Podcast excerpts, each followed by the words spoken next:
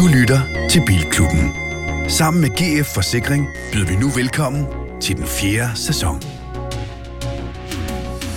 Dine værter er Christian Grav, foredragsholder, livsstilsekspert og motorredaktør på Euroman. Anders Richter, bilnørd og fuldtidsfamiliefar.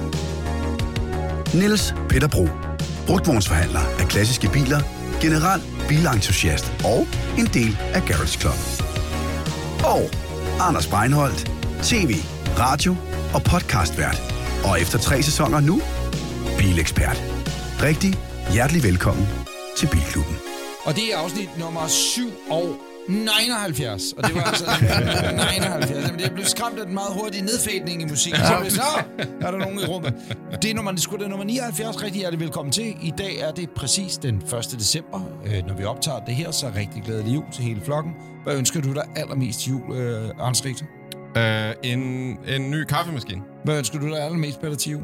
At Danmark ikke var så fucking elendig til at spille Nå, fodbold. men det, øh, det er et ønske, som ja, du ikke får indfriet. Øh, Grav, hvad ønsker du dig aller, allermest til jul? Fred i Ukraine. Nå. Oh. Og en M3 BMW. Og en øh, E36 M3 BMW.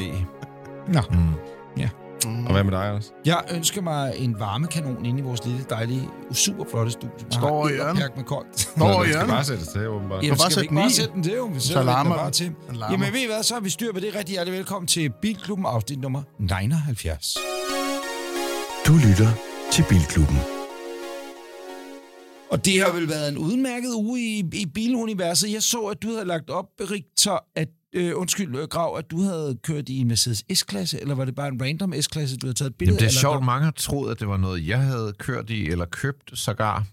Og det var bare en, jeg så. Det var bare noget car spotting. Nå, men det, du, du, du, du, du Jeg kan godt lide den, øh. Ja, du skal huske der. at skrive hashtag carspotting. Det synes jeg, der var. Ah, det er muligt, der ikke var det. Nå, Nå. jeg troede, du var blevet øh, limousinechauffør. Nej, det var en kort en. Ja. Ja. Nej, så øh, den har jeg bare kigget på. Jeg synes, den er flot. Jeg, jeg har noget med S-klasser, det ved jeg i hvert fald også, at Niels Peter har, ikke? men der er Jo, det noget særligt over det, og jeg kan godt lide den, den version af den der, Den er også som er den forrige. Ja. ja. Ja, Nej, er der er hashtag BMW Cabrio og BMW E30. Der er Ja. ikke noget hashtag Nej, Nej, præcis. carspotting.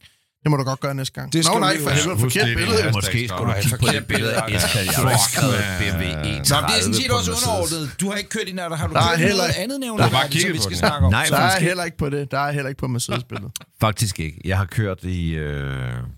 Jeg kørte jo den, den, kørte du. Det kan være, det er din hue, der gik. Vi kørte jo Focus hjem sidste gang. Ford Focus ja. ST, fandt en fed bil. Mm.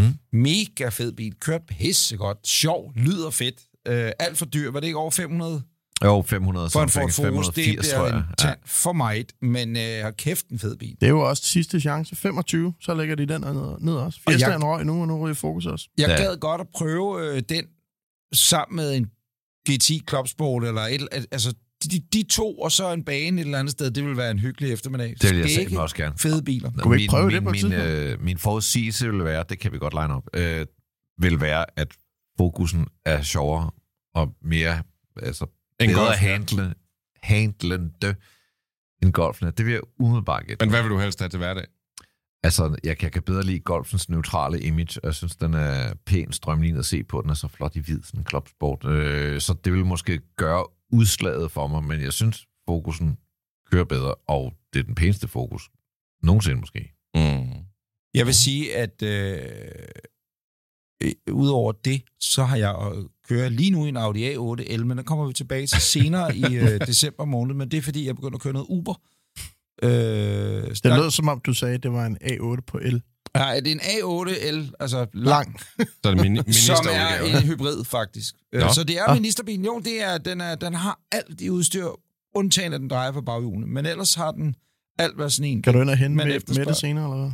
Øh, Ah, det, hun den, kører er- i den er desværre ikke armeret, nej. Men, øh, kan du hente Dan Jørgensen? Nej, jeg har min egen lille yndlingsminister, Magnus og jeg, vi mødes tit, så jeg kører lige op, så holder jeg bare ude foran hans adresse Og og, leger på Østerbrogade og leger, at jeg skal hente ham. Han behøver vel heller ikke en armeret, vel? Ham kan alle lide. Præcis, men han har brug for en lang, han er en høj, flot, slank mand. Nå ja, han skal have en lang, ja. Men det kan vi vende tilbage til, øh, andet end at det bare er øh, virkelig et skæg og, og bil at køre i, og der burde vi måske også sammenligne lidt med S-klassen, når vi kommer dertil, men det kan vi jo gøre en gang i december. Skal vi ikke gøre det? Jo, det gør vi. fedt. Peter? Min nu? Mm. Jeg har ved at indgå forlig med øh, Jaguar, Oh. så konkursbo der. Så jeg er faktisk man. ved at få registreringsattesten til min XJ8. Og det skal lige siges, hvis folk Vi skal øh, nok lige have en recap. Ja, vi skal lige have en hurtig recap. Øh, Ja. Jeg køber en Jaguar øh, over i øh, Jack Silkeborg, hedder det over i Silkeborg, ja. Jaguar-forhandler, og øh, bytter den med en af mine egne Jaguar, og får Jaguaren herover, og alt er godt, den står i min kælder, og så tænker jeg efter et par måneder, hmm, jeg har egentlig aldrig fået registreringsattesten. Ringer over, finder ud af, de går konkurs, fordi ejeren han er død i en trafikulykke. Lang, lang historie kort, det er, at det viser sig, at det var en kommissionsbil, jeg har købt, og øh, ejer af bilen har ikke fået Sin penge eller øh, en underskrevet aftale fra, kommission, eller fra Jaguar over. Det vil sige, han siger, det er hans bil, jeg siger, det er min bil. Og det har vi kæmpet længe om, hvems bil det er. Og nu begynder vi at komme derhen, hvor det koster så meget i advokatregninger, at jeg siger, nu laver vi et forlig, så jeg kan få den bil. Og hvad er forlidet? Et beløb. Så du skal betale ham nogle penge? Ja. Så du skal... Altså, Det handler, om, hvem, det handler om, hvem der skal have en eller anden form for tabsprocentfordeling, øh, procentfordeling, ikke? Jo. Men det vil sige, på grund af en øh, fuskerforhandler over i Silkeborg, så Som er du blevet død. uvenner med en, som har solgt den Ja. ja. i den bedste mening, og Ja. du har købt den i den Ja. bedste mening, og så er det jer to, Ja. der skal... Jeg ved, jeg Ja. har ret for dig, eller har afgivet en dom med en øh, forududlevering af registreringsatest for nylig, men øh, det er jo heller ikke altså, fair over for ham. Så vi finder en fordeling, der gør, at jeg kan få den. Nu kører den til syn i dag, Men- og hvis de så siger, at det koster 100.000 at syne den, så kan han bare få den tilbage, og så er festen slut. Men det vil han nok ikke. Hvad med kravet? Øh, er der ikke, kan man ikke gøre... Det tror jeg måske muligvis, jeg Jo, men det er om før, insolvent til bo. boet. Insolvent bo. Super. Så Ja, det, tak. du kan kæmpe ligesom, at det er som at Sådan er det at være Jaguar for. råbe af en døv øh, hund, ikke? Altså, det er forskellige Der er ikke nogen penge tilbage. Hvad med dine Rita? Jamen, der er, der er faktisk sket forsvindende lidt. Jeg har hverken været i retssager eller kørt øh, fede forter eller noget som helst. Øh, Så jeg vil faktisk næsten bare sige, at der er sket forsvindende lidt i mit liv. Jeg har arbejdet meget, men øh, der er ikke rigtig sket noget Og det er du også god til. automotivt. Det er du også god også til. god til. Nå. Jamen det er godt, så lad os da kaste os ud i nyhederne.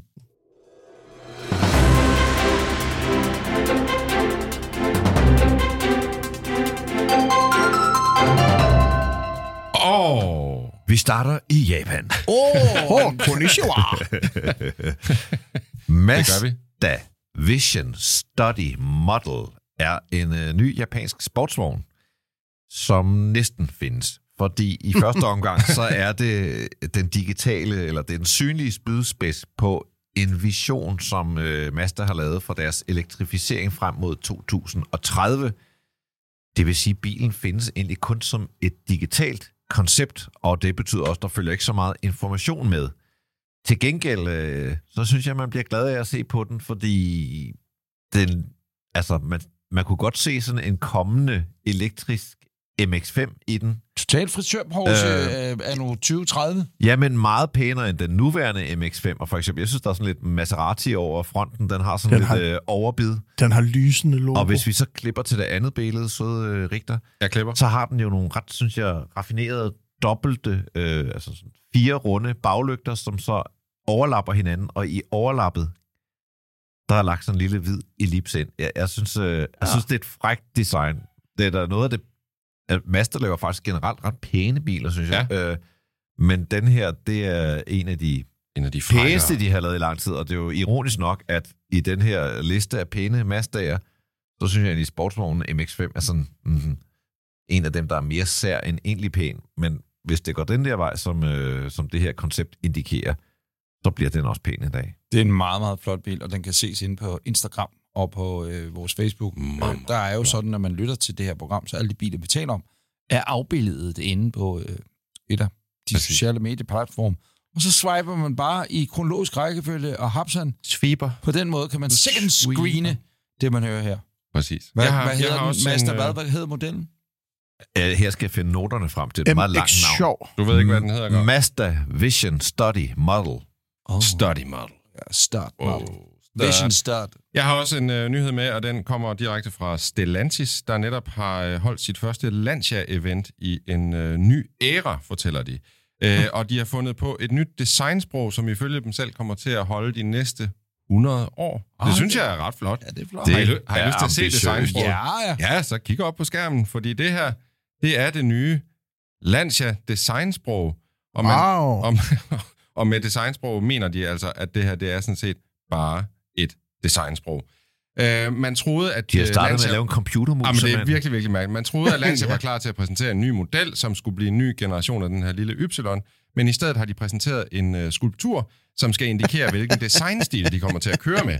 Den her skulptur hedder Pu plus A Zero, Pu, Pura Zero, som står for Pure and Radical øhm, og hvis jeg ikke husker forkert, så er det her allerførste gang i bilhistorien, at man har valgt at præsentere et så ufærdigt projekt, øh, som noget altså kan være. Jeg synes, det bliver... Altså for mig er det meget ukonkret. Ej, det- Meget sådan varm luft. Vi har Prøv to se, vi har ukonkrete nyheder med i dag. Jeg elsker det. Vi har det, en det skråt- ligner simpelthen fremtidens hurtigfærge til Bornholm. Skråt Øh, forfra, synes jeg, den øh, brillerer med... Det flyvende færge til ja, Bornholm. Ja, ja, Man kan lige se dernede, ikke? Francesco, where's the new Y? Ah, not ready, not ready. No, no, Francesco, no, no, no. sculpture, sculpture. Hvis man skal gå for tolkerholker på den, så kan man sige, at det indikerer måske, at Stellantis har taget den gode beslutning at bringe Lancia tilbage til at være et eksklusivt high-end-mærke, Ja, fordi den det er meget første, eksklusiv, den altså her. de seneste Very år, exclusive. hvor man bare Det ligner smækkede en, et øh, Lancia-navn og logo på nogle Godt lige sådan en amerikanske Jaguar biler. E-type bagend med baglygterne under karossen, ikke? Der er mange ting, det her. Det Der er sket det, at øh, de har sagt øverst op fra franskmændenes side, fransk, italiensk, amerikansk, hvad det nu er, foretagendet der, og så har de sagt, de går ved Lancia, stop det. Okay. Now, do you, can you make a piece of art for os? Og så har de lavet et øh, kunst, og så er de helt oppe og ringer det, og så har de glemt, at de skal designe biler. Og så på pressebillederne, som er, det er jo sådan nogle computerrunderinger, går jeg ud fra, der, der er nogen, hvor det bare er sådan et genetisk studie, og så er der et, hvor den står inde i sådan en gammel sal, og det ligner sådan øh, det der sakrofag, som Bjørn. Nørgaard har designet til dronning Margrethe, øh, som står nede i krypterne under Det er meget, Roskilde Domkirke. meget. Ikke? Øh, Meget mærkeligt. Men man kan sige, at det eneste, vi faktisk kan få ud af det her, det er, hvordan selve Lancia-logoet bliver skrevet. Altså det, det, den her font, de bruger. Det er i hvert fald 100% det, de kommer til. Uh, I 2024 er der en uh, egentlig model klar. Det er altså en Y, der bliver elektrificeret.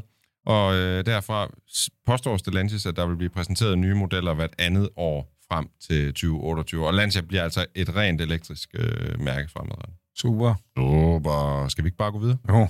The only time the Hero Honda was out of the U.S. Holy cow, I could have been even a dual spotlights. I could have been even a kind of a fair. I could have been even a kind of a million dollar bid. Yes, sir. Skal jeg lægge ud af det? Ah, ved du hvad, må jeg lige få den lige Du kort? får den hurtigt. Nu er vi tilbage, nu er vi det tilbage, Grav. lyn- Kan du høre det? Nu, nu er vi tilbage med, de er uenige om, Nu. hvad er god gamle dag. Hvad er det for et indslag? du mærke til introen af sådan en blanding af en aktionarius og sådan noget den lyserøde panter spænding? Og igen, ikke?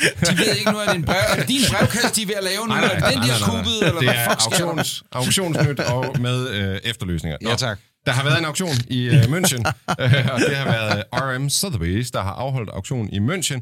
Og øh, det er der jo egentlig ikke noget nyt i, men det nye er, at der er en af de her biler, der har været på auktion, som, øh, som jeg i hvert fald har et ganske særligt forhold til. Oh, wow. Det her er en øh, BMW M3 E36. Den er udført i den øh, sjældne farve Dakar Gelb. Øh, den er med sort interiør, den er med soltag, og den er med de fedeste fælge, synes jeg. Og faktisk er den her bil en tro kopi af den, jeg ejede for et par år siden. Øh, den her bil har gået lidt færre kilometer, og øh, for den her lille lukkede befolkning øh, eller sammenslutning vil jeg godt afsløre, hvad jeg fik for min bil, da jeg solgte Ja, den. ja, hvad fik du for den? Jeg fik jo 300.000 danske kroner uden afgift for den her bil, og jeg var altså lykkelig, fordi det var bare... Altså ikke nok med, at jeg havde tjent en del penge Var på din den. også gælp? Den var samme farve. Det, er- den er fuldstændig identisk med den her. Soltag, sort interiør, samme fælge, samme farve, samme alt. Og samme årgang også. Hvorfor fuck solgte du den? Ja, det er nemlig et rigtig godt spørgsmål, som var jeg spørger mig selv om nu, når jeg ser, hvad salgsprisen var på den her. Og hvad var den? 300.000 Og jo, euro. What the? Ja. hvor mange kilometer? Så det er Nej, gammelt. den, er, den, det skal siges, den her den har gået meget få kilometer. Det havde min nu også, men den her har gået meget færre kilometer. Omsat Øh, til, Hvad, hvad, hvad til, er din gået? Den har gået 50.000 km. Det er jo lavt i samlerbilsverdenen. Ja. Den her, den har gået 2.000 km. Det er meget, meget, meget lavt. Ja. Men fra 300.000 danske til næsten 300.000 euro, som svarer til 2,1 millioner danske kroner. Spørgsmål, hvad vil du kunne, sæ- hvad, hvad, reelt set, hvad, hvad vil du kunne sælge din for i dag, tror Og det tør jeg ikke sige, men, men jeg vil da sige, hvis den her skal koste 2 millioner, så skulle den anden da ikke koste 300.000. Hvem har du øh, solgt den til, vi kan gå ud og Ja, stjæle? hvad er den, øh, Holland blev den solgt. Nu tager vi til Holland og stjæle. Kan vi gøre det? Gør det. Hvad tager vi af bil? Vi tager A8'eren. Ja. Ja. Ja, ja, ja. Den på el, eller bare den? Vi har en uh, kanelsnor tilbage derovre. Vi kan Jamen, hey, og kildevand afsted. afsted, afsted mand. Og der er fuld batteri på. Vi Perrier kan, køre, vi kan køre 32 km på batteriet.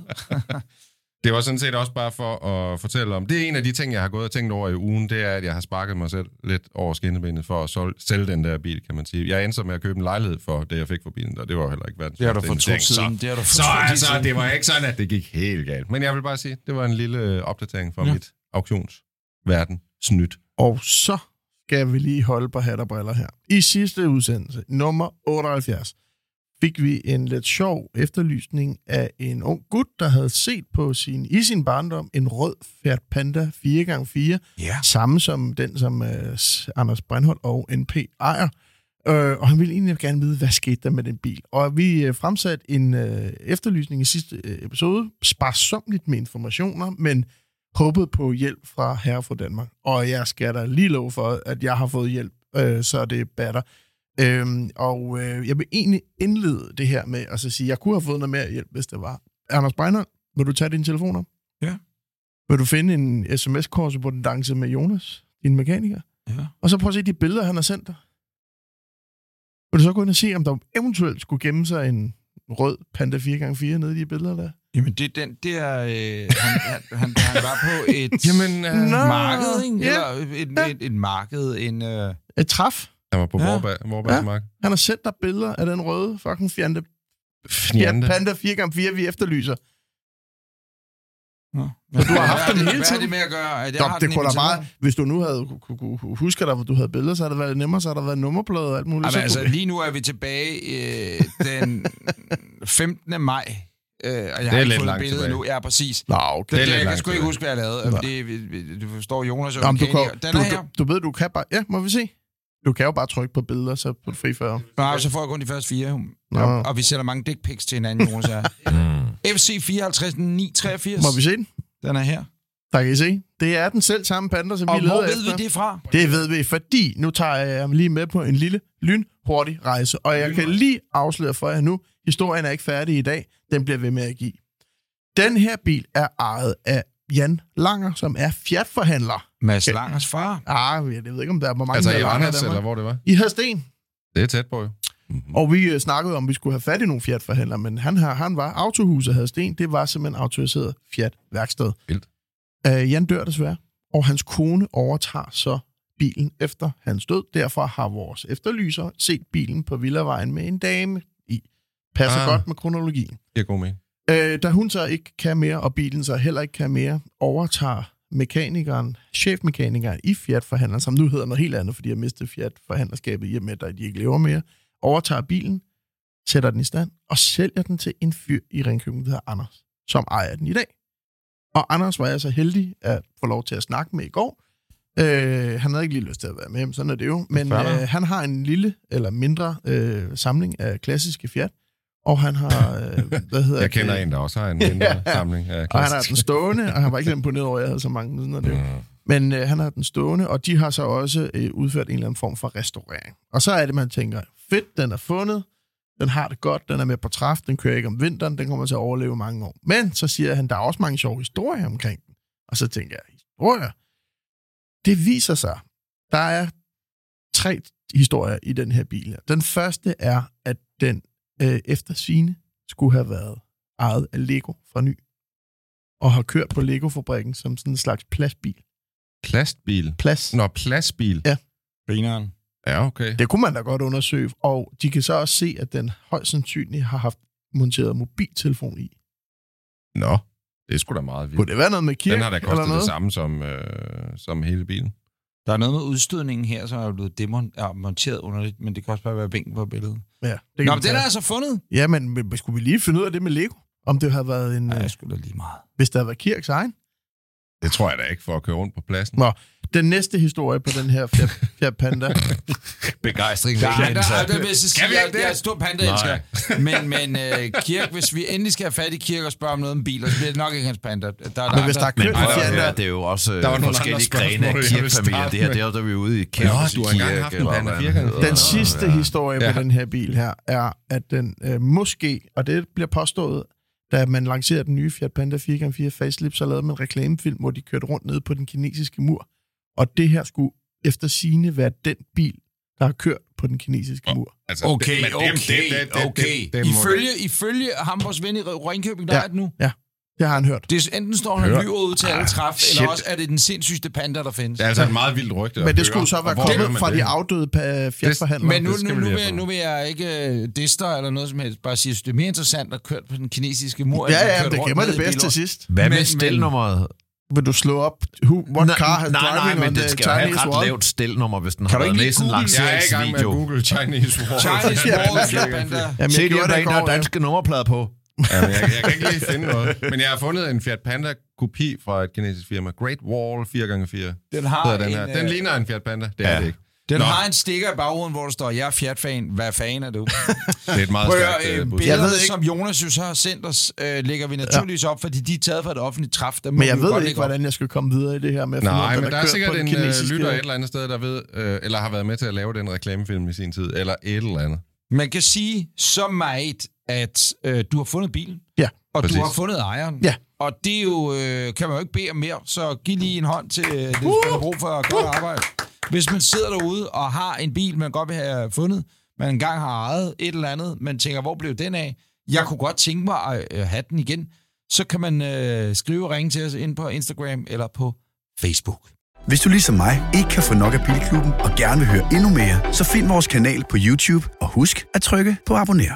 Det næste segment er et Ja. helt nyt segment, der hedder... Den er så...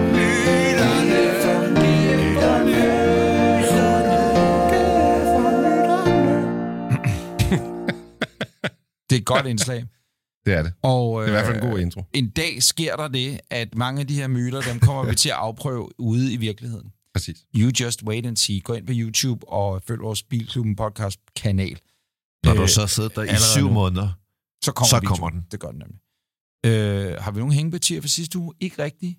Vi arbejder stadigvæk på noget på en Opel Corsa. Det kommer vi tilbage til i næste uge. Kan man starte den via nødblinket? Oh, jeg var lige i gang med at starte en YouTube-video. Der er lige et. Øh, Du har jo, din stemme har jo nærmest hypnotisk virkning på unge Richter, så du, du kan gå ind på YouTube, så Richter han... Ja, jeg går sgu ind på YouTube. Hvad skal Nå, nu? Peter, nogle myter. Har du en? Jamen i den her, øh, det her tredje indslag omkring øh, GF og myterne, der har jeg valgt en ny strategi. Det er en, egentlig at sende jer en hver, så I ligesom også kunne være en del af det her myte, myteshow og undersøge. Men jeg vil gerne lægge ud, jeg vil gerne lægge ud med en myte, der er kommet øh, fra en af vores øh, lyttere, der siger, at grunden til, at man ser så mange forladte superbiler i Dubai, er på grund af ubetalte parkeringsbøder.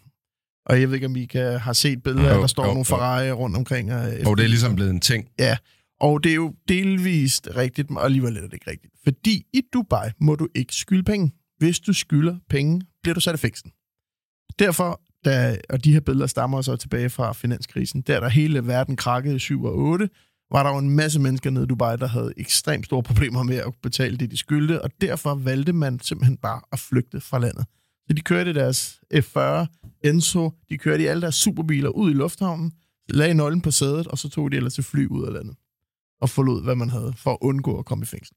Så det kunne godt være, at det har været parkeringsbøder. Jeg tænker, at man skal have mange parkeringsbøder, før man vil forlade sin superbil. Det var lidt nemmere bare at betale parkeringsbøden. Men det er øh, gæld, og Dubai er no-go. Ved man, hvad der så skete med bilerne sidenhen? Nej. Jamen, der er jo mange af dem, der får lov at stå rigtig, rigtig længe, ja. inden staten kommer og, ligesom, og, og henter dem. Ikke? Der er, øh, og her vil jeg igen anbefale YouTube, øh, der findes altså ret mange fede videoer, hvor de går rundt i sådan nogle af de der outskirts of Dubai, hvor de finder en masse gamle S-klasser og 7-serier, der bare står helt sandet til. Øh, mange af dem, altså bilerne dernede har det jo svært, fordi i forvejen så bliver de jo simpelthen bare fyldt med sand, når de står dernede. Ikke? Og det er så jo de er jo så- ikke så mange penge værd, Og det er jo derfor, man ikke skal i- importere i en bil fra Dubai, fordi der er sand i dem. Så skal man holde sig fra. Så det var en hurtig myte her. Jeg har to øh, lynmyter. Skal Ja, lige kom dem? Lynmyter. Øh, der er en, der spørger, om øh, en Toyota Supra fandtes med 1000 heste. fra Som fabrikken. standard? Ja, som standard. Og der kan jeg sige, at øh, det gjorde den ikke. Øh, den Supra, han tænker på, det er jo den, der hedder Mark 4. Det er den, man sådan kender allermest, den fra Fast and Furious. Den Den, kom med maksimalt 320 hestekræfter. Men jeg har så undersøgt, øh, hvad er det så, den kraftigste super har i verden? Altså ikke af fabrik, men hvad er den kraftigste super? Det er den her. Øh, den hedder Orange Man Bad. og, og jeg har tjekket, at det, det er den rigtige måde at udtale det på. Den her Supra, det er Orange Man Bad. Den går fra 0 til 100, som I kan se på den her video, på et sekund. øh, den, den, den, den, den, er- Den styler. Ja, det her, det skulle angiveligt være verdens hurtigste super og verdens kraftigste super. Den har en effekt på 2.100 hestekræfter, og øh, her vil jeg bare understrege, at det er jo ikke sådan, den er kommet fra fabrikken. Det er altså en eller anden øh, tuner, der har tunet den rigtig kraftigt. Det her det er verdens kraftigste super, men nej, myten er forkert. Man kunne ikke få en super med 1.000 heste af fabrikken. Modtaget. Så næste. en Lynmyte nummer to. Man skal købe en rød Ferrari, før man kan få en gul. Øh, det er forkert. Altså, der er ikke nogen regler hos Ferrari om, hvilken farve man skal vælge, og der findes en hel del standardfarver. Men man kan sige det sådan, hvis man gerne vil have sin Ferrari med skilte på siden, altså numre og gamle detaljer og sådan noget, så vil Ferrari gerne have, at man ligesom har den gamle bil. Kan I følge mig? Ja. Altså, hvis man skal lave en kopi af en gammel ja. model eller en gammel racerbil, så vil Ferrari gerne have, at det er din. Altså, så du ejer den gamle for at kunne lave den nye, eller i hvert fald har fået godkendt. Men at, der var øh, jo den gamle myte, at for at købe en Enzo, skulle du have haft en F50. Ja, men for det er et andet spørgsmål jo. Man kan. Ja. sige, det her det refererer jo kun til farver. Mm. Man kan sige, hvis lytterne har spurgt om, om man skal øh, købe en øh, Roma for at få lov at købe en, en øh, LaFerrari, eller altså en øh, ny af de der topmodeller, det er jo ikke helt forkert. Der er jo en form for hierarki hos Ferrari, så du kan ikke bare gå ind ad døren og købe den dyreste og hive den ned fra hylden, fordi de er jo bare limiteret. Jeg tror, Enzo han udtalte en gang, at de vil, Ferrari vil altid producere en bil mindre, end hvad der er efterspørgsel efter, for hele tiden at bevare efterspørgselen, og det kører de stadigvæk efter i dag. Det er det samme, hvis man vil have sig et Rolex-ur, jo. Præcis. Vi ringer, lige. vi ringer til Klarlund. Nå, jeg har fået, øh, jeg har fået en myte tildelt øh, fra en lytter, der skriver, kan man starte bilen via ledningerne under retstrammen, ligesom i film? Du ved, man siger, han kommer ind, og så siger han. Øh, den myte kan jeg ikke selv svare på, men jeg kender en, der kan, så jeg ved ikke, om vi kan skrue op på telefonen, fordi at øh, min gode øh, ven, øh, Jonas, som vi snakker om før, Jonas som jeg altså Langfinger. har taget. Det er Jonas Langfinger, øh, tidligere kriminel. Nej, det er Jonas øh, Vestergaard, øh, som... Øh, hej Jonas. Det er hele flokken for bilklubben. Hej Jonas. Nej. Og I kan Hej. godt høre allerede nu, der er det jo den perfekte at ringe til Jonas, for han siger ikke sit øh, navn eller noget, fordi at, at det er lidt... Man ved ikke, hvor mange biler bare. Jonas Ja, han ja. har haft hen, gennem hænderne gennem tiden. Så det var godt, du har sagt det seks gange nu. Og det var altså Jonas fra JJ Detailing. Nå, men Jonas, øh, spørgsmål. Vestergaard Carcare. Øh, vi har... Hvad siger du? Vestergaard Carcare. Åh, oh, for helvede, Vestergaard men det er sgu Ja, ikke ja. det, der stod på min faktura. Nå, Det var det da. ja, jeg ved det godt. Hold op, hold op. Spørgsmål, øh, som øh, en mand, der har rodet med sine fynske fingre i mange øh, motorrum og biler gennem tiden, har vi fået en myte. Jeg tænker, du kan svare på, om det er en myte eller ej. Kan man starte bilen via ledningerne under retsstammen, ligesom i film? Ja, det kan man godt. Men, Men det kan du ikke få nyere biler. Nej. Det skal være noget gammelt noget. Det er ældre end din Panda, vil jeg sige. Ældre end en Panda fra 99, for eksempel? Ja, øh, fordi at på, det kan jeg huske på din, der er der jo en uh, chip i nøglen, selve nøglen. Nå, ja, Okay. okay. Det er der så, så ikke man skal, gamle. tilbage, man skal tilbage fra, lad os så sige, 95 og ned efter, I siger bare et årstal, eller måske 90'erne og Ja, ned jeg, efter. tror, det afhænger, jeg tror, det afhænger af bilen. Øh, jeg har haft en Volvo 940 på et tidspunkt. Øh, den kunne du godt gøre det på. Okay. Og, og, og hvad er det, man klipper hvad er over det, og hvad er sætter det, man, sammen? Hvad er det, man i præcis? Det, der hedder så, det er, at det skal være en gammeldags bilnøgle. Ligesom, altså, hvor der ikke skal være en chip inde i nøglen, så bare være en ganske almindelig nøgle, du sætter i. Der kan du pille stikkene fra, og så kan du faktisk kortslutte den inde med, med nogle ledninger, så den egentlig får strøm ind på det, hvor den skal tænde. Altså så strøm til, tændeklokken, og så til starter startermotoren på den. Lige præcis. Okay. Og Jonas, er det øh, rød møder blå? Altså er det lidt ligesom, når man ser det modsatte, at nogen demonterer en bombe i en eller anden øh, film, og så sidder man der, for jeg, jeg synes altid, de er meget nonchalant, når de lige fjerner kåben der nede under øh, retstammen, rev af med den, og så Hvad med, starter den øh, med nu det samme. bare det, Ja, det, Man skal vide, hvad man gør, tænker jeg. Det er ikke noget, jeg har hekset så meget i, for at sige det på en anden måde. Men altså, Åh, det er ikke de noget, der jeg har hekset i. Jeg har sgu ikke hekset sådan noget. Lang, Langskov øh, fornægter sig ikke, men, men øh, så, så det, Jeg har ikke gjort det, noget. det skal man have prøvet før, siger du. Ja, ja, ja, det skal man. Det, skal Modtaget, man. Jonas. Tak. Godt. det siger er du? meget forskel på, hvad for nogle biler, der er, hvad for et land den er fra, og så videre. Ja, tak. Men gamle biler vil man kunne gøre det med, og det er simpelthen et strøm til... Som Ja, nu spiller jeg lige et opfølgende spørgsmål. Hvad så med retlåsen, Jonas? Lige præcis, jeg kunne til at sige det. Altså, hvis du står i sådan en situation, og du er ude og skal hente en bil uden nøgle, og der ikke er nogen retlås, så er det meget rart at have en hammer med. Det er næste trin på... Og hvor øh, slår man- Ikke, jeg har på- prøvet det på en gammel Volvo 240, men, men det kan man godt. Ja, jeg har Men altså, sidder du ude i Vesterfængsel nu og lytter med, eller et andet resthus i Danmark, så er der altså lige et par gode tip til. Kigger du ud af sige- vindue og ser en uh, Toyota Corolla fra en cirka 89, står parkeret på den anden side Nu af skal muren. vi ikke brænde, nu skal vi ikke brænde en masse myter af nu, men vi har en del liggende på øh, både med renseribøjler og øh, antal tid, det tager at bryde ind i en gammel eskort, så det kan vi tage på et andet tidspunkt. Jonas, det var en fornøjelse. Det er i orden. Hvad er står du med dag. hænderne i nu? Det lød som om, du Hvorfor var i gang med at du? lave noget nu. Ej, det er også lige meget. Det bliver for langt. Ja, Men Hvad laver du? Ja, jeg har, der, er- det, det er bare sådan nogle almindelige biler, ikke? Modtaget. Jeg forstår. Vi ses, min ven. Ha' en god dag. Moin. Godt. Hej. Hej. Hvad det giver for myterne? Ja, altså der er kommet en anekdote, men jeg ved ikke, om den er for lang at læse op. Er det en myte eller en anekdote? Det er en anekdote. Vi Så- tager den ikke i myterne. Sådan er det. Men det er mere Skriv til os med en myte. Hvis du mener, du vil have en myte, øh, øh, vi skal jo lige sige myten her med, zzz, det kan man godt. Ja, det er, Det er 100% korrekt. ja, hvis du har en gammel lortebil. Øh, det er myterne for i dag. Har du flere myter? Noget, du godt vil øh, have undersøgt, og noget, du rent faktisk ikke ved er en myte. Du behøver ikke at sende os en myte og sige, ligesom Clarkson gør på internettet, du ved, en, en myte, som vi ved, øh, eller ikke ved, vi virkelig skal undersøge, så undersøger vi det til næste uge i GF og myterne. Ugens bil. Mm. Så er det ugens bil, mm. og det er mig, der lægger for. Mm-hmm. Ja, det er det da. Det er, det det mig, der, der har introducerer. Det er mig, der har den med. Det er øh, ugens bil i denne her uge er NIO, N-I-O-E-T7, og det er den første model, der bliver lanceret på det danske marked. Hvis der er nogen, der kan huske og har lyttet med fra 2015, jeg kan ikke huske, hvornår det var, men der var jeg en tur i Oslo og prøve det her specielle batteriskiftesystem, den her bil er udstyret med. Øh, man har fra NIOs side øh, valgt en anden strategi med hensyn til opladning, er, at man rent faktisk kan udskifte batteriet på bilen på 5 minutter. Ikke du kan, men det kan en form for vaskehal. Så det er ligesom i gamle dage med de der Renault Fluence. Ja. Ind i en vaskehal, Præcis. batteri ind, batteri ud. altså, det kan man se på vores YouTube. Hvor siger er hvor lang tid- hvor lang tid tager det? Ja, hvor lang tid tager det, og hvor mange, 5 minutter. og hvor mange af de steder findes der i Danmark? 0. Modtaget. Jeg kan bare ikke lige helt finde ud af, om jeg synes, det er verdens bedste idé, eller verdens Nej, dummeste idé. det bliver Jeg kan, stadig jeg, jeg, jeg, jeg kan godt fortælle dig, at det er verdens dårligste idé. Godt. Det er verdens dårligste Ah, men, Jamen, men, men, men der er også, man skal lige uh, skælne fra, at den kan selvfølgelig godt lade fuldstændig ligesom andre elbiler. Det er jo ikke, fordi man skal skifte batteriet. Det er Nej, en nej.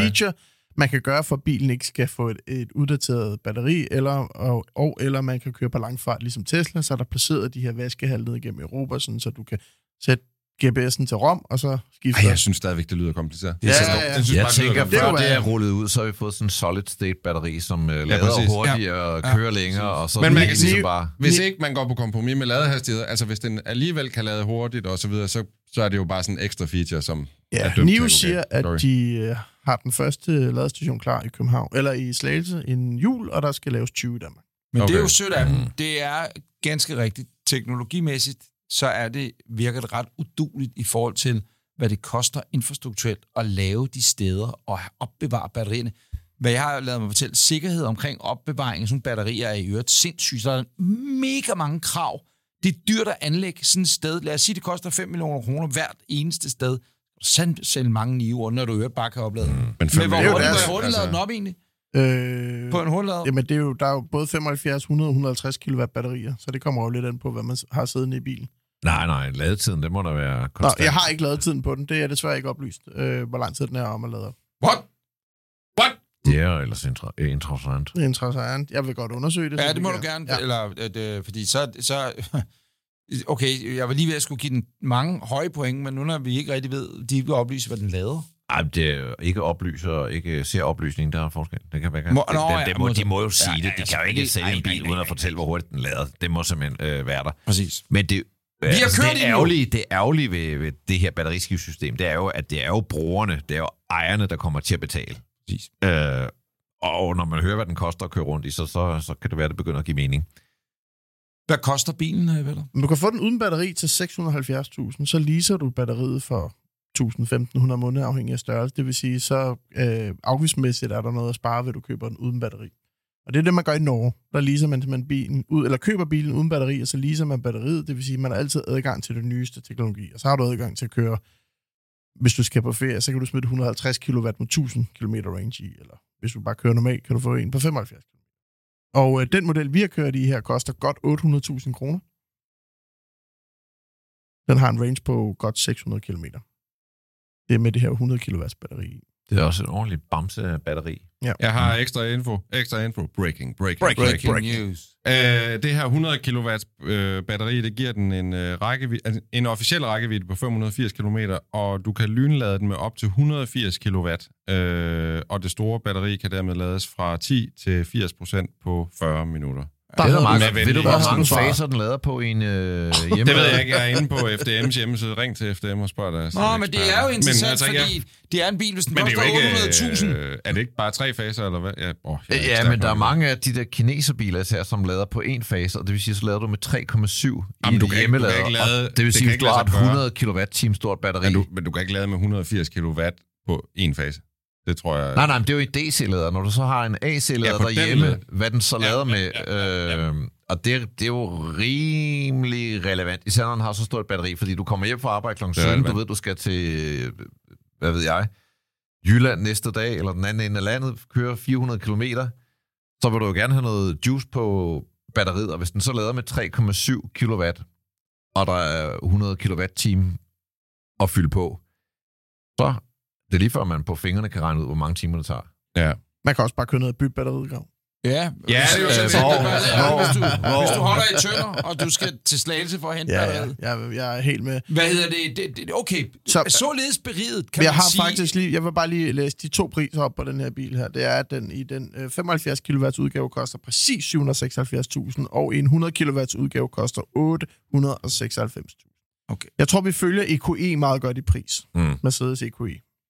Så ved jeg godt, hvad jeg vil vælge. Men det kan Ja, vi komme ja. til jo. Øh, jeg vil sige, Det er en stor bil. det er en stor bil, men med den pris, og det, det, det, det nu, jeg ved ikke, om vi forgriber det lidt øh, for tidligt, det er alt, alt for dyrt for den her bil, i forhold til, hvad man får, i forhold til, hvad de andre har teknologi derude, i forhold til at lade op. Nu kører jeg jo til daglig i en elbil, og øh, befragter mig kun via el, og alt, hvad jeg lige fik at vide der, det synes jeg bare ikke er godt nok i forhold til, hvad det er, den koster. Fordi at EQ1, den kan 100% lade med 300 kW, tror jeg nok, eller 250, ikke, så vidt jeg husker. Bla, bla, bla, bla, bla, bla, og der er der et batteri fast i bilen, jeg har betalt for én gang, og så videre. Jamen, det har du også i den her pris. Og jeg skal ikke til slagelse og øh, øh, skifte batteri, når jeg Jamen, holder i man skal lige, man skal lige holde tungen lige i munden. Det er 673.000 uden batteri. Men det er, stadig, det er stadig simpelthen for dyrt. En bil, elbil til 673.000, så har jeg ikke engang batteriet endnu. Det, det virker uduligt. Det gør det simpelthen. Når det så er sagt, når man så endelig har fået batteri i den, eller ej, så har vi jo kørt i den, Richter. Ja. Har du kørt i den? Ja. Hvad siger du? Altså, jeg har jo, jeg, nu var, da vi var ude og køre, holdt jeg kameraet, så jeg holdt min egen holdning lidt tilbage, men jeg må faktisk sige, at jeg er impressed er faktisk ordet. Jeg synes, den virker ekstremt komfortabel. Jeg synes faktisk, den er ret fedt lavet indeni, og jeg synes, hende her, øh, Nomi, eller Numi, som, øh, som man kalder som ligesom er sådan en lille øh, talende øh, robot, eller hvad man kan sige, inde i kabinen. Lige til at starte med, synes jeg, det var virkelig mærkeligt. Men på et eller andet tidspunkt, så begynder det også at give mening, hvis man bruger stemmestyringen, og hvis man begynder at bruge de her ting. Så Det er fungerer det jo Det er faktisk. jo Alexis eller Ja. ja. Siri, som du bare kan se, fordi der er en lille smiley, øh, et digitalt smiley-ansigt, der sidder og kigger på dig. Præcis. hele tiden. Og, og, Og, og, og, med, sådan, det er jo, lytter med der. og det er jo sådan en lille gimmick, men som alligevel, tror jeg, er med til at ramme den lidt yngre del af befolkningen, hvor den her type biler måske øh, typisk henvender sig til den sådan lidt øh, sådan mellem- eller lidt ældre del af befolkningen, så tror jeg faktisk, de kan ramme en yngre gruppe. Altså, jeg er sgu ret imponeret, og jeg, jeg synes i modsætning til jer ikke, at prisen er et problem, men mit øh, priskompas, det er også Men helt det er ud også så af- sindssygt af- rig, af. Men Nej, det er men så- det er jo sindssygt Men kan vi lige Nej, jeg bare vil lige- sige, jeg synes faktisk, hvis man kigger på en Tesla Model S i den her Plate øh, Edition, så koster den altså 1,34 millioner kroner. Og i, i den sammenligning er det her jo billigt. Det er halv pris. Så kan man sige, at Mercedes EQE, der kunne man, altså, det er måske mere den, men man skal altså også lidt op af, af EQE-stigen, før man finder noget, der sådan effektmæssigt øh, passer med den her. Den, altså, den er sygt hurtig. 650 og, og sygt komfortabel. Mega stort bagsæde. Jeg, prøv lige, at jeg, jeg er sgu ret vild med den. Altså, den er nydelig inde i. Den kører... Den er, den er meget, meget hurtig. Den, den er komfortabel, som du siger. Jeg kan kun bekræfte efter ja. Ja. en lille øh, prøvetur. For mig, så at sige, så er det lidt en showstopper, at den er så dyr. Du, du nævnte også en leasingpris på 11.000. Alt Da du sagde ja. det, jeg sad kun og tænkte på, hvor hvad- mange hvad fede synes Porsche. Du, synes du, det er dyrt i forhold til, at den koster nærmest en million kroner? Jeg Altså, synes ikke, de kan komme ud af det blå og så sige, åh, vi, vi er ligesom Tesla. Fordi jeg kigger også på den, og så må jeg bare sige, Men den den er er, grimmere end Tesla. Den har de Jeg- der... jeg vil hellere have den der men en den er Tesla. sgu da bedre bygget end en Tesla. Ja, meget sådan bedre. Allerede sådan, Det er alt, det, du, øh, alt det, du kan mærke i kabinen og udenpå og sådan noget, det virker altså noget mere gennem. Ja, ja, men du får bare ingen brand value i den. Nej. Det gør du trods alt i en Tesla, som har fået bygget noget Ja, op. det er bare en ting, at Øh, man også kan have brændt hele lortet ned inden for de næste 14 Ja. dage. Hertil kommer men- designet, hvor især taget, lagde du mærke til det? Ja, altså, nu ja, er kigger på dig. Breinholt. Men jeg må Den sige, har det jo her- to øh, små øjne ude i siden, hvor der sidder kamera, og så har den i midten den her radar, øh, Lidar. lidar, lidar som øh, ligner, som du meget rammende beskriver i vores YouTube-video, som man også skal gå ind og se. Husk at abonnere. Ja. Øh, det ligner lidt sådan et taxaskilt. London Taxi. Men, ja, men må jeg lige have lov at indskyde med det der lige der? Jeg, er- jeg er med på, at det er virkelig, virkelig grimt. Altså, det er virkelig, virkelig grimt, hele det der kamerasystem rundt om bilen. Men hvis det kan løse mit daglige A til B commute, og bilen kan styre selv, og det her, det er jo faktisk med til at gøre bilen fuldt selvkørende. Hvis det kan løse det, så kan jeg godt leve med, at der sidder grimme Jeg ved ikke, om I Så prøver at køre i den øh, med øh, det der selvkørende, og det kører, mm. den kører bedre... øh, Nu har jeg kørt i en 10 minutter, så Ja, ja, ja, jeg skal lige være på, ikke? Men, men jeg det kører meget bedre end Tesla selvkørende, vil jeg så sige. Ja. Øh, hun snakker bare lige lovlig meget til en, hende der, den lille øh, Numi. kommunistdame, der sidder dernede og holder med en, ikke? Breinholt. Øh, ja, nej, det, oh, the party oh. wants to kill you now. Uh, oh. Hvor spørger jeg, om der er demonstrationer i Kina, så hører hvad hun svarer. Hvad hedder det? Jeg sammenligner den altså ikke med Tesla S, jeg sammenligner den med en Model 3, og der er totalt Model 3 Model 3 er halv størrelse. Når du der. sidder inde i den, øh, du sidder højt, du, den måde, du kigger ud af forruden på, det der lidt tykke ret mellem hænderne, det er totalt ligesom en Model 3. Øh, og det er faktisk positivt ment, det der med, at man også føler, at man er lidt SUV-agtig i højden, på en eller anden måde. Øh, og så, øh, den kører godt, den kører rigtig, rigtig godt. Og, Ja, og det, øh, det gør den faktisk. Som jeg, som jeg sagde til dig, Rigtig, det vi lige stod og sparkede dæk på den, lige inden vi gik i optagelse. Ja. Tænk sig en gang, hvis man skulle hjem til sine forældre og sige, jeg køber en kinesisk bil, så vil man jo blive, blive slettet af listen, men, men jeg vil aldrig købe den, og det er fordi, den er for dyr. Og det er fordi, at det der batteriinfrastruktur er simpelthen uduligt. Nogen har prøvet det tidligere, og det er, når jeg skal ikke være med til at betale det som kunde. Når jeg først har betalt bilen, så skal jeg... Nej. Det kommer du heller ikke til, Og så synes så jeg også, at, øh, så synes jeg, at, at dens specs i forhold til, at den er helt ny på et helt nyt marked, om lidt der er der en teknologi. Den skal lade meget hurtigere. Den skal lade med minimum 250 kW, den der bil derude, når du skal hurtigt videre. Er det Men bilen synes- eller batteriet, der øh, afgør det? Fordi Men så kan man jo sige, hvis, Man kan hvis, bare skifte øh, ud, hvis du bare skifter batteriet ud, Ja. så kan du sikkert det er udvikle nok, batteriet men så videre, skal så jeg så betale øh, 11.000 mere for det, eller... Nej, Nej, det skal du ikke. Ja, men det, det, jeg, vil, jeg vil give dig ret i, det er komplekst, og jeg synes også, det er kompliceret, det der, når du lige pludselig skal til at købe en bil uden batteri, og så skal batteriet med, og så skal Ja. du lige det ene, og lige det andet, og lige det tredje. Det er bare komplekst, og det er bare en, en dum idé. Du skal have en pris for hele pakken. Men jeg vil sige, jeg synes, det her er da det... I min verden er det en af de mest seriøse øh, biler, vi har set i den her sådan luksusbilsklasse fra Kina indtil videre, og det er første gang, at jeg på ingen måde griner af en kinesisk bil, lige med undtagelse af Polestar, som jeg også ser som kinesisk. Men det er en af de få gange, hvor, Ja, hvor de fandme har givet den gas. To ting til Det, sidst. det minder lidt om det gang i 90'erne, hvor, hvor Kia og sådan nogle biler kom. Ja, så havde det den der... Kia Safe, ja. Kan du ikke huske kom noget? til Danmark og- Opirus, Ja, ja, ja. som var sådan en Mercedes Jam Ja. øh, premium car, men dem, der købte dem, man, man tænkte bare, det var det sørgeligste Ja, men også den, i verden. den første altså, Skoda Felicia var jo heller ikke sådan noget, man... Altså sådan, men du fik jo virkelig meget bil for pengene, men jeg vil sige, den her, den starter jo i en helt anden ende af skalaen, for det her, det er jo en luksusbil.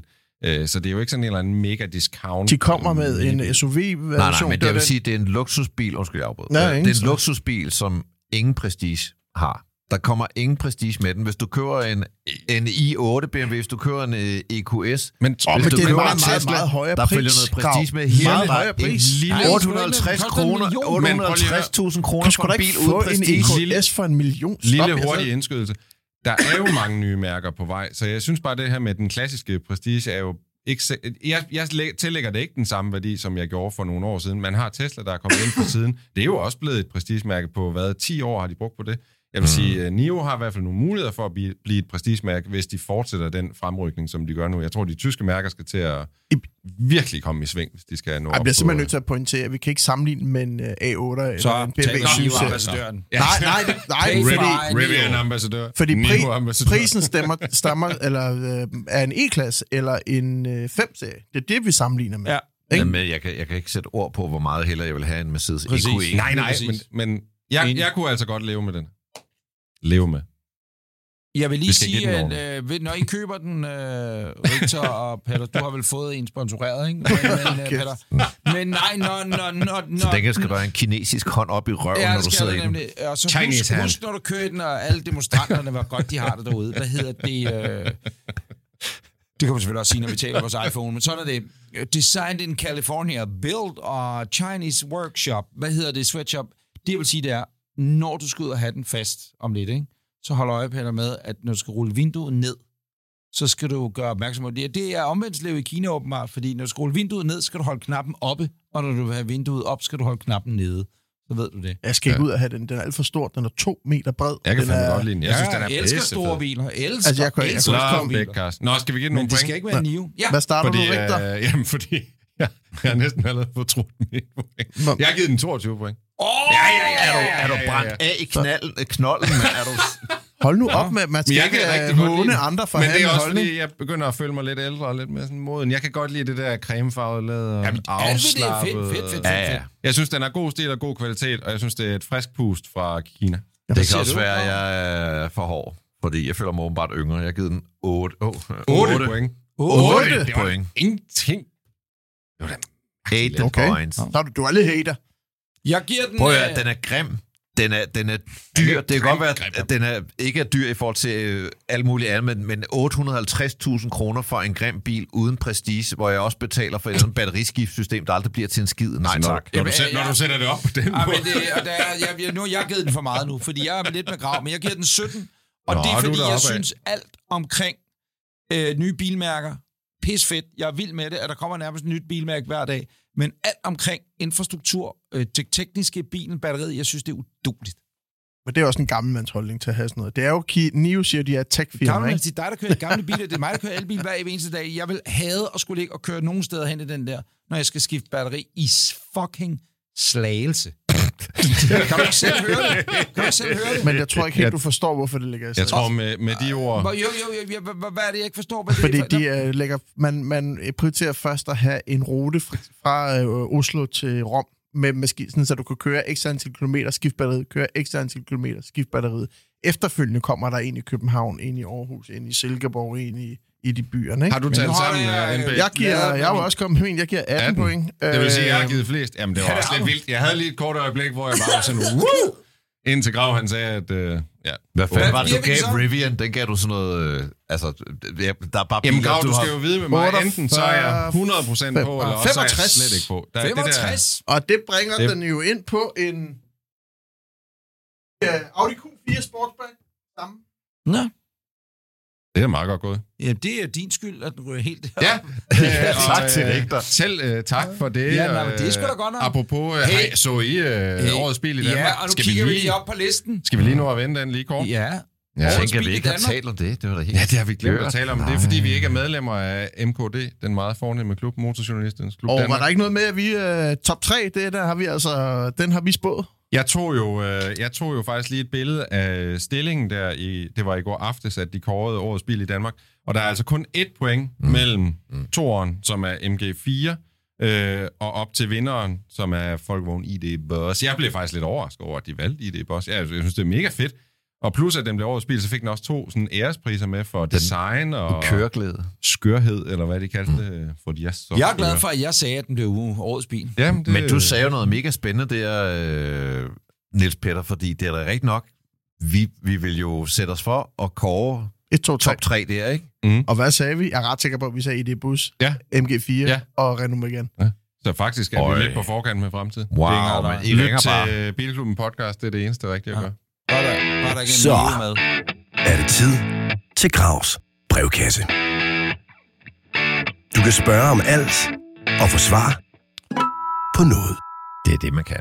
Skriv til os. Tag gerne noget, er den fed? Er den Noget, skal jeg sælge den? Skal jeg købe den? Nio ET7. Er den fed? Vi starter med øh, Carsten Vedeled. Glad lytter. Øh, han skriver, hvad tænker I om Jaguar F-Type som alternativ til Porsche 996 anden generation eller Porsche 997? Ja, meget Man får væsentligt mere bil for pengene. Den er cirka 10 år nyere til samme pris, samt det er en bil, der skiller sig meget mere ud end de rigtig mange Porsche 911, der kører rundt. Performance cirka det samme. Øh, hvad siger vi til det? Han siger selv, måske en øh, 996, 2 og en 997 er bedre, har bedre investeringspotentiale. Jeg vil sige, øh, Jaguar F-Type. Jeg, jeg, jeg elsker den bil. Jeg synes, den er så fed. Den, den, den er gudsmuk. Den kører mega fedt. Og lyder Øh, og den sygt pissegodt. lyder, Ja, den lyder absurd godt. Øh, Undtagen, den fandtes også i en 80 Den skal man holde sig fra. Firecylindret. Ja, de lavede lige nå. kort den der Ja. Ingenium. Det er jo noget lort. Men den sekscylindrede Seks er, er og otte. plenty. Den sekscylindrede med 300 hestekræfter, det, det er så fint. lyder og den mega godt. Er, øj, jeg kan huske, jeg var på pressetur i Nordspanien, kørte rundt, og... Mm, Jeg kan forestille Vi mig, har dig kørt igennem en, eller Sverige havde vi ikke en, Jo, vi jo, jo. en engang. Jo. Men det, var, det var en, en 8 for satan, det var en cabriolet. fed bil. Jeg synes også, den er mega fed. Jeg synes Jeg bare... tror, at Carsten har ret i, at øh, Jeg kan bare ikke investeringsmæssigt, så vil Porscherne leve et bedre liv og blive ikoniseret på en anden måde, man vil opleve i Jaguaren. Omvendt vil jeg sige, Jaguar. Jaguaren vil, vil måske komme længere ned. Man kan købe den billigere, og den vil tage en stigning igen. Men det bliver ikke ligesom at have en Porsche. Det tror jeg ikke. Nu var du godt i gang allerede. Nå, men jeg siger bare, at øh, jeg tror jeg tror, altså, sådan, at, jeg tror ikke, at en, en, F-type bliver mere værd end en 911, men omvendt vil gå tilbage og så se på en E-type i forhold til en gammel 911, så er E-typen jo meget dyr. Altså, Mm. man ved jo Ja. aldrig, men, det, men der er jo sket så meget med produktion. Det hele handler om produktionstal, og det ene og tredje, fire, ikke? Hvor mange er der af dem? Men der er jo ikke særlig mange F-typer i forhold til en hjælper. Altså, Nej. Nej, nej. en hjælper Det er ud rigtigt. hver andet sekund. Ikke? F-typeren, det virker da ikke til, at det går lige så godt, kan man sige. Det er ikke Hvad vil du gøre, Niels Peter? Vil du tage en F-Type foran? Øh, Jeg hylder ideen, og jeg vil jo i, i teorien gøre det, men øh, jeg ved, jeg, at når det kommer til alt, så vil jeg tage en 911. Ja. Mm. Jeg, øh, altså, jeg synes, jeg fik hyldet ideen også. Personligt vil jeg tage 911, men det er fordi, jeg er 911 mand. Men øh, jeg bliver så glad, når jeg ser, at der er nogen, der har taget en F-Type. Og jeg synes, det er et mere original valg. Og derude, hvor vi bor, tre af os i hvert fald, det er rigtigt nok. Altså, der, der strøger de jo øh, 911 om sig. Så Og der er tro, det mange, holdt og alle leasingselskaber, de første 20 biler på lager, det er altid 911, ikke? Ja, ja. Det er sådan lidt kedeligt, altså, som skal køre lidt. Ej, hold kæft. Hvad Hvis siger man havde en øh, 911, så ville man have så en uh, F-type ved siden af, ikke? Hvis man var sådan en type. Nu så har der jeg så også ingen lidt, af dem, men Hvad vil du gøre? Vil du tage en F-Type? Eller vil du nej, tage jeg en... vil også tage en 911. Hvad vil du gøre, Anders Men jeg vil ikke Jamen, jeg vil øh, ikke tage en... Jeg, jeg vil... Jeg vil sige så meget, at jeg, jeg tror, han skal ikke være bange for F-typen i sådan en service-ting. Mm. Eller noget, som helst. han skal ikke være bange for at eje den. Øh, men jeg tror bare ikke, den er færdig med at falde i værdi. Hvor man kan sige, at de Porsche, han nævner, tror jeg egentlig er færdige med at falde i værdi, og er måske på vej modsat. Så ud fra sådan en økonomisk betragtning, tror jeg ikke, han skal hoppe på F-typen. Og så jeg, jeg er ret, rigtig vild med F-typen, men har haft lidt det problem, at jeg synes, hvis man er til den, til den høje side, øh, og ikke er alt for smal i kroppen, så synes jeg, at den er lidt lille, men det er jo op til sådan ens kropsform. Og der de vil jeg lige sige til folk, der ikke har set uh, Richter Ja. ja. i virkeligheden, han er jo 2 meter og 6 høj og meget basketball. Men jeg synes jo ikke, jeg er jo 1,85, og synes, jeg kæmper lidt med, med pladsen, specielt, øh, eller både i den åbne og den lukkede, altså når taget er på, ikke? Du er, du er så Øh. høj, at du kører sådan en gammel transit med forhøjet tag. Ja, ja, kan du ikke præcis, være sådan der. en med en bule i taget. Og sådan, ikke? Men det er jo ikke nok, hvad han siger. Det er jo en nyere er bil. Altså, hvis det skulle være 996, så vil jeg sige, så skal det være en turbo. Ellers vil jeg Det sgu hellere det have. F-Type. Skal det ikke? Vi er alle sammen det. enige videre. det. Godt Skal videre. det ikke? Kunne godt være en Så anden. kommer der endnu et spørgsmål, og nu kommer vi ned i nogle øh, detaljer her. det er Mathias, der skriver. Øh, jeg søger hjælp til at finde en ny bil. I april købte jeg en Passat GTE stationcar. Jeg har haft ualmindelig mange problemer med den. Øh, den står nu øh, til at skulle have en ny gearkasse til 135.000 kroner plus montering.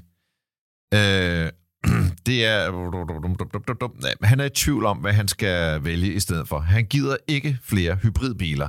Den må maks koste 300.000. Han kigger på en Mercedes C-klasse, den der hedder W205. Den er fra midten af, det er sådan 200, Mm, mm. mm. 2015. Samme årgang A4, B9, Passat og Golf, som ikke er hybrid. Og så Alfa 159, og min sanden også en Skoda Octavia VRS. Han skriver, bredt, han kan øh, godt felt. selv skrue på bilen. Uh, Han kan bare ikke lige skifte gearkasse. Så skal han købe alfaen, hvis han godt så selv kan skrue. spørgsmålet er, altså hvilken en af de her biler vil øh, vi vælge? Altså en Mercedes C-klasse, en, en Audi A4, en Passat, en Skoda Octavia eller en Alfa 159. Jeg vil tage en Alfa 159. Den skal Var være der rød, den beløb? skal have cremefarvet læder. Jamen, der var ikke noget Øh, beløb, det, max som- 300.000. Nå, Jamen, okay. Jeg vil ikke give 300.000 for en Alfa 169. kan Nej, du finde. 400. Men øh, ja, ja, ja. Men jeg vil tage alfaen, hvis man, hvis, altså, hvis man har mod på det, så er det jo bare den af dem, der er flottest. Det er den af dem, der skiller sig Men ud. er det ikke sådan lidt mærkeligt at anbefale ham en... Altså, han er træt af at have mange problemer med sin bil, og så anbefaler du ham en Alfa, som... præcis. Og Du så har- siger han, du- at han kan skrue selv, men han er lidt træt af... Du har, altså point. du har en pointe, men han kan jo ikke skrue selv i en Golf GTE. Det er der ingen tvivl om. Nej, nej, det skal man helst heller ikke med sådan et hybridsystem. Jeg siger Øh, Alfa, hvad vil du vælge? øh, øh, Jeg Victor? vil vælge C-klasse. C-klassen? Ja. Hvad siger... Jeg kiggede, jeg vil vælge, jeg kiggede faktisk på en for nylig, en øh, C350E, altså hybrid. Ja. Øh, den var i kongeblå med sådan et lyst interiør og sådan noget brun træ og broret. Hold kæft, hvor var den fed. er ikke hybrid, så Nej, det skal bare nej. være en 350 stor, den ikke er Ja. hybrid. Nå, okay. Og Så- hvad siger du? Øh, Jamen, jeg vil også gå for Mercedesen eller Audi'en. du vil ikke... Jeg tænker, du vil tage Ej, Audi A4'en er A4. for Ja, men kedelig. A4'en er lidt kedelig. Den Jeg har haft fucking kedelig. A4'en, og det er en kedelig bil. Så skal det være all-road. Ja, det er også, den er meget sjov. sige A4'en. Det- Hvis man skulle smide endnu en pil ind i puljen, så ville jeg tage øh, igen en Jaguar F-Pace. Kig på den. Den kom også som for stationcar. 300. Det tror du ikke for 300 med Nej, afgift okay. og grav. Nej, så gå med Alfa. En anden bil, vi kan smide ind, er en Mercedes S-klasse. Nå ja, ligesom du Ja, også ja, tilfældigvis ja, stod. ja, ja. Det var et svar til Mathias i Gravs brevkasse, som vender tilbage i næste uge. Bilklubben er jo en gratis podcast. Men vil du støtte og være en del af klubben? Så hop ind på webshoppen bilklubbenpodcast.dk og find fede ting. Er det en fugl? Næh. Er det en bil? Næh. Er det en quiz? Ja, det er en quiz. Ja. Og det er Anders Rigtors helt igennem og absurd fantastiske bilquiz. Eller er det, Anders Richter, din quiz i dag?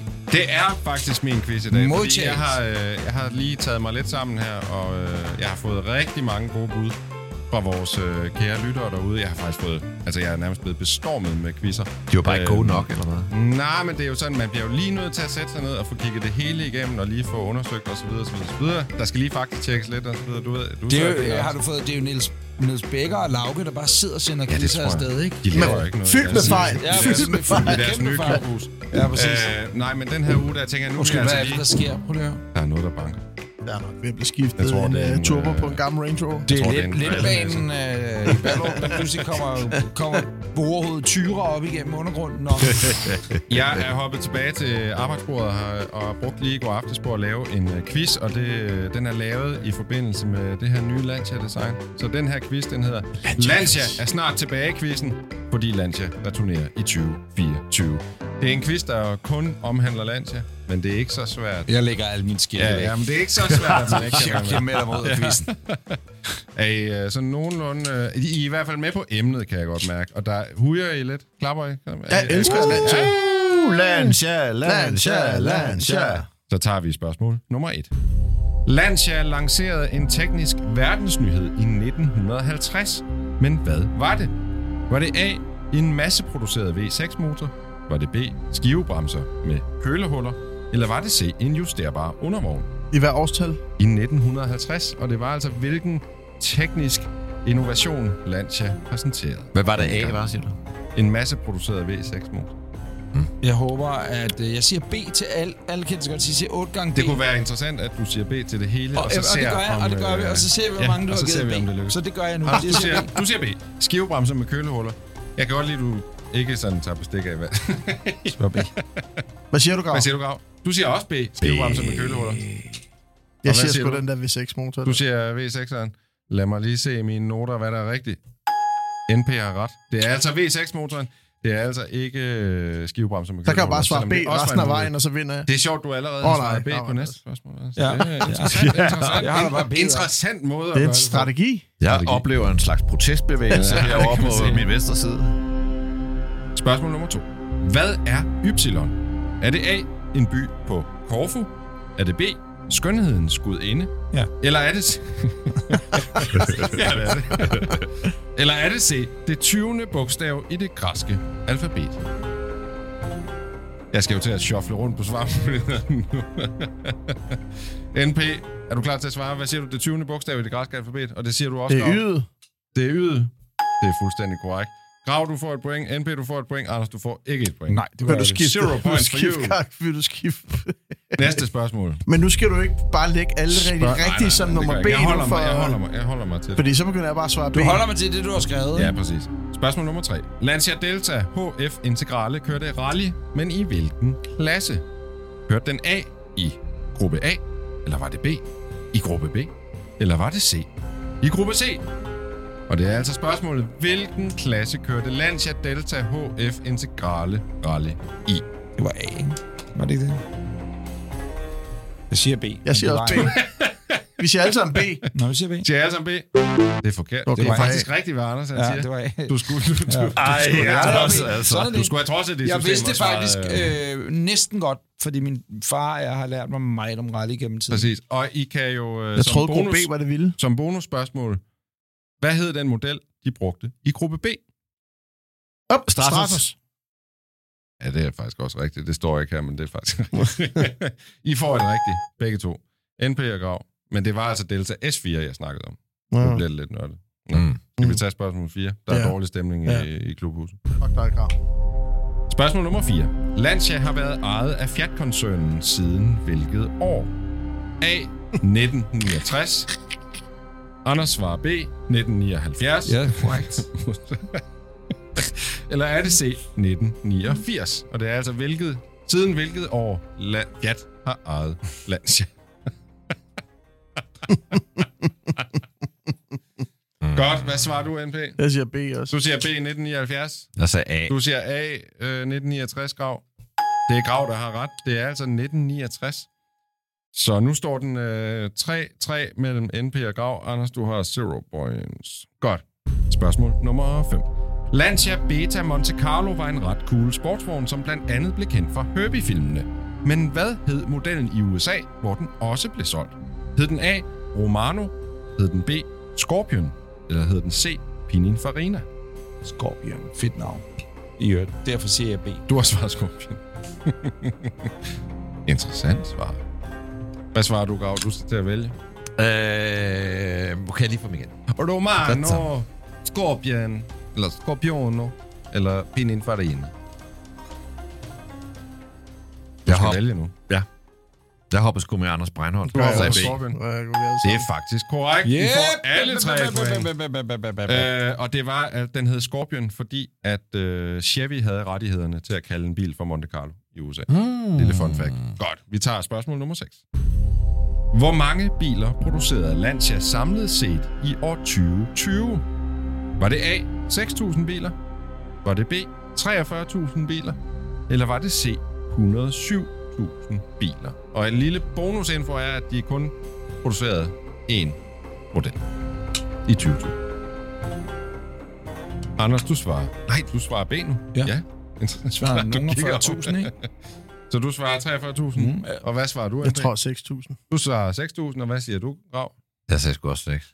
Det er forkert af jer to, og rigtigt af Anders. Det er 43.000! Han henter os nu. Ja, altså, Ja, to det går rigtige stærkt, nu. det går stærkt, det går To stærkt. rigtige. Vi skal bare svare B-grav, så vinder Ja. han ikke. Ja, ja, det er så genialt.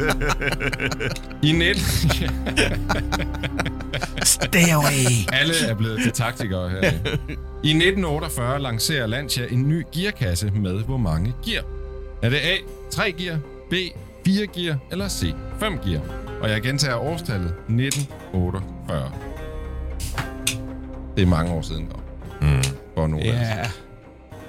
Men der ved vi jo godt, hvad Grav lavede. Det var er blevet uddannet af skole. Der sad han og talt tandhjul. Det var min fjerde bil. Ja. Øh, hvad fanden var det nu? Jeg købte den fra ny. Ja, ja, ja. Ja, du sidder og kigger, hvad i gangen var med gearne, for at tælle dig frem til, hvor mange det var. Nå, er jeg klar til at svare? Ja. Ja. Anders, hvad svarer du? B. B. Jeg siger 4 gear. 5 gear. Du siger 5 gear. Det siger du også godt. Det er korrekt, det er 5 gear. I Så, får hver et lige se, point. hvis han havde hentet os nu, så var vi jo fucked, fordi så Ja. kunne vi ikke. Godt, så har vi den sidste her. Spørgsmål nummer 8 i verdens sværeste Lancia-quiz. Ja. Aurelia er navnet på den vel nok smukkeste Lancia gennem tiden. Men hvad betyder navnet?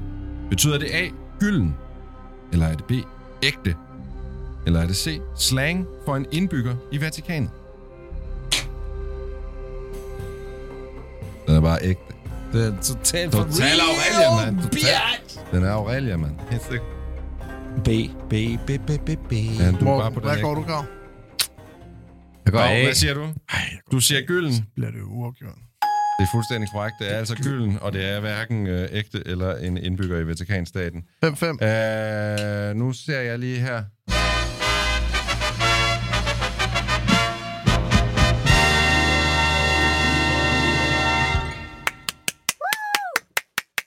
Der er to vinder i dag. Hvad gør vi, Anders?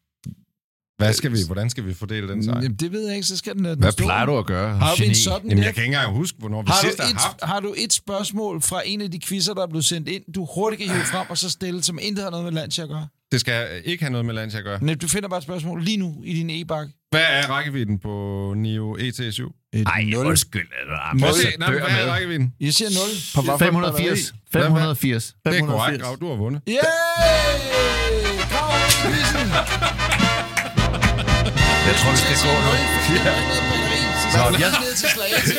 Fordi det er jo er Der var- det- der var to- direkte vej Hvad- til der var- Slagelse. Der var to rigtige hvad- svar. Det ene var Slagelse 0, har og det andet var Den direkte vej til Rom. fanden er det for en quiz? Jamen, vi det- skulle svare jo. Jamen, prøv lige at høre. Jeg nåede ikke at Men svare. tænk så Ja, engang kineserne, de også har sagt, slagelse, det er den direkte vej. Alle mennesker fra Oslo til Rom kører. Det er flot. Jeg synes, Kære det, vi venner, skal du har lyttet til øh, afsnit nummer 79. Jeg nedlægger protest. Og inden vi lukker helt, skal vi lige minde folk om, at man skal altså huske at bestille øh, Mænd og Biler bogen i vores webshop. Man kan lige nå det, hvis man skal have vores autograf. Ja. Der er ikke møjt tilbage. Det er meget godt sagt. Vi høres ved i næste uge. Tak for i dag.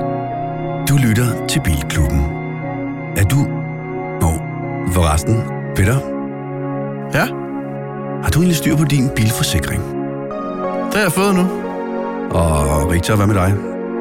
Jo, der er meget godt styr på det. Okay, jamen øh, til alle andre, der lytter med, og jer fire såkaldte bileksperter, så må jeg altså bare lige anbefale, at I tjekker GF Forsikring ud på deres hjemmeside. Og ja, det her det er en skør reklame. Men hvordan skulle jeg ellers have flettet det ind her? Så ja, jeg synes jo bare, at GF Forsikring, det holder hele vejen. Og ja, du lytter til Bilklubben.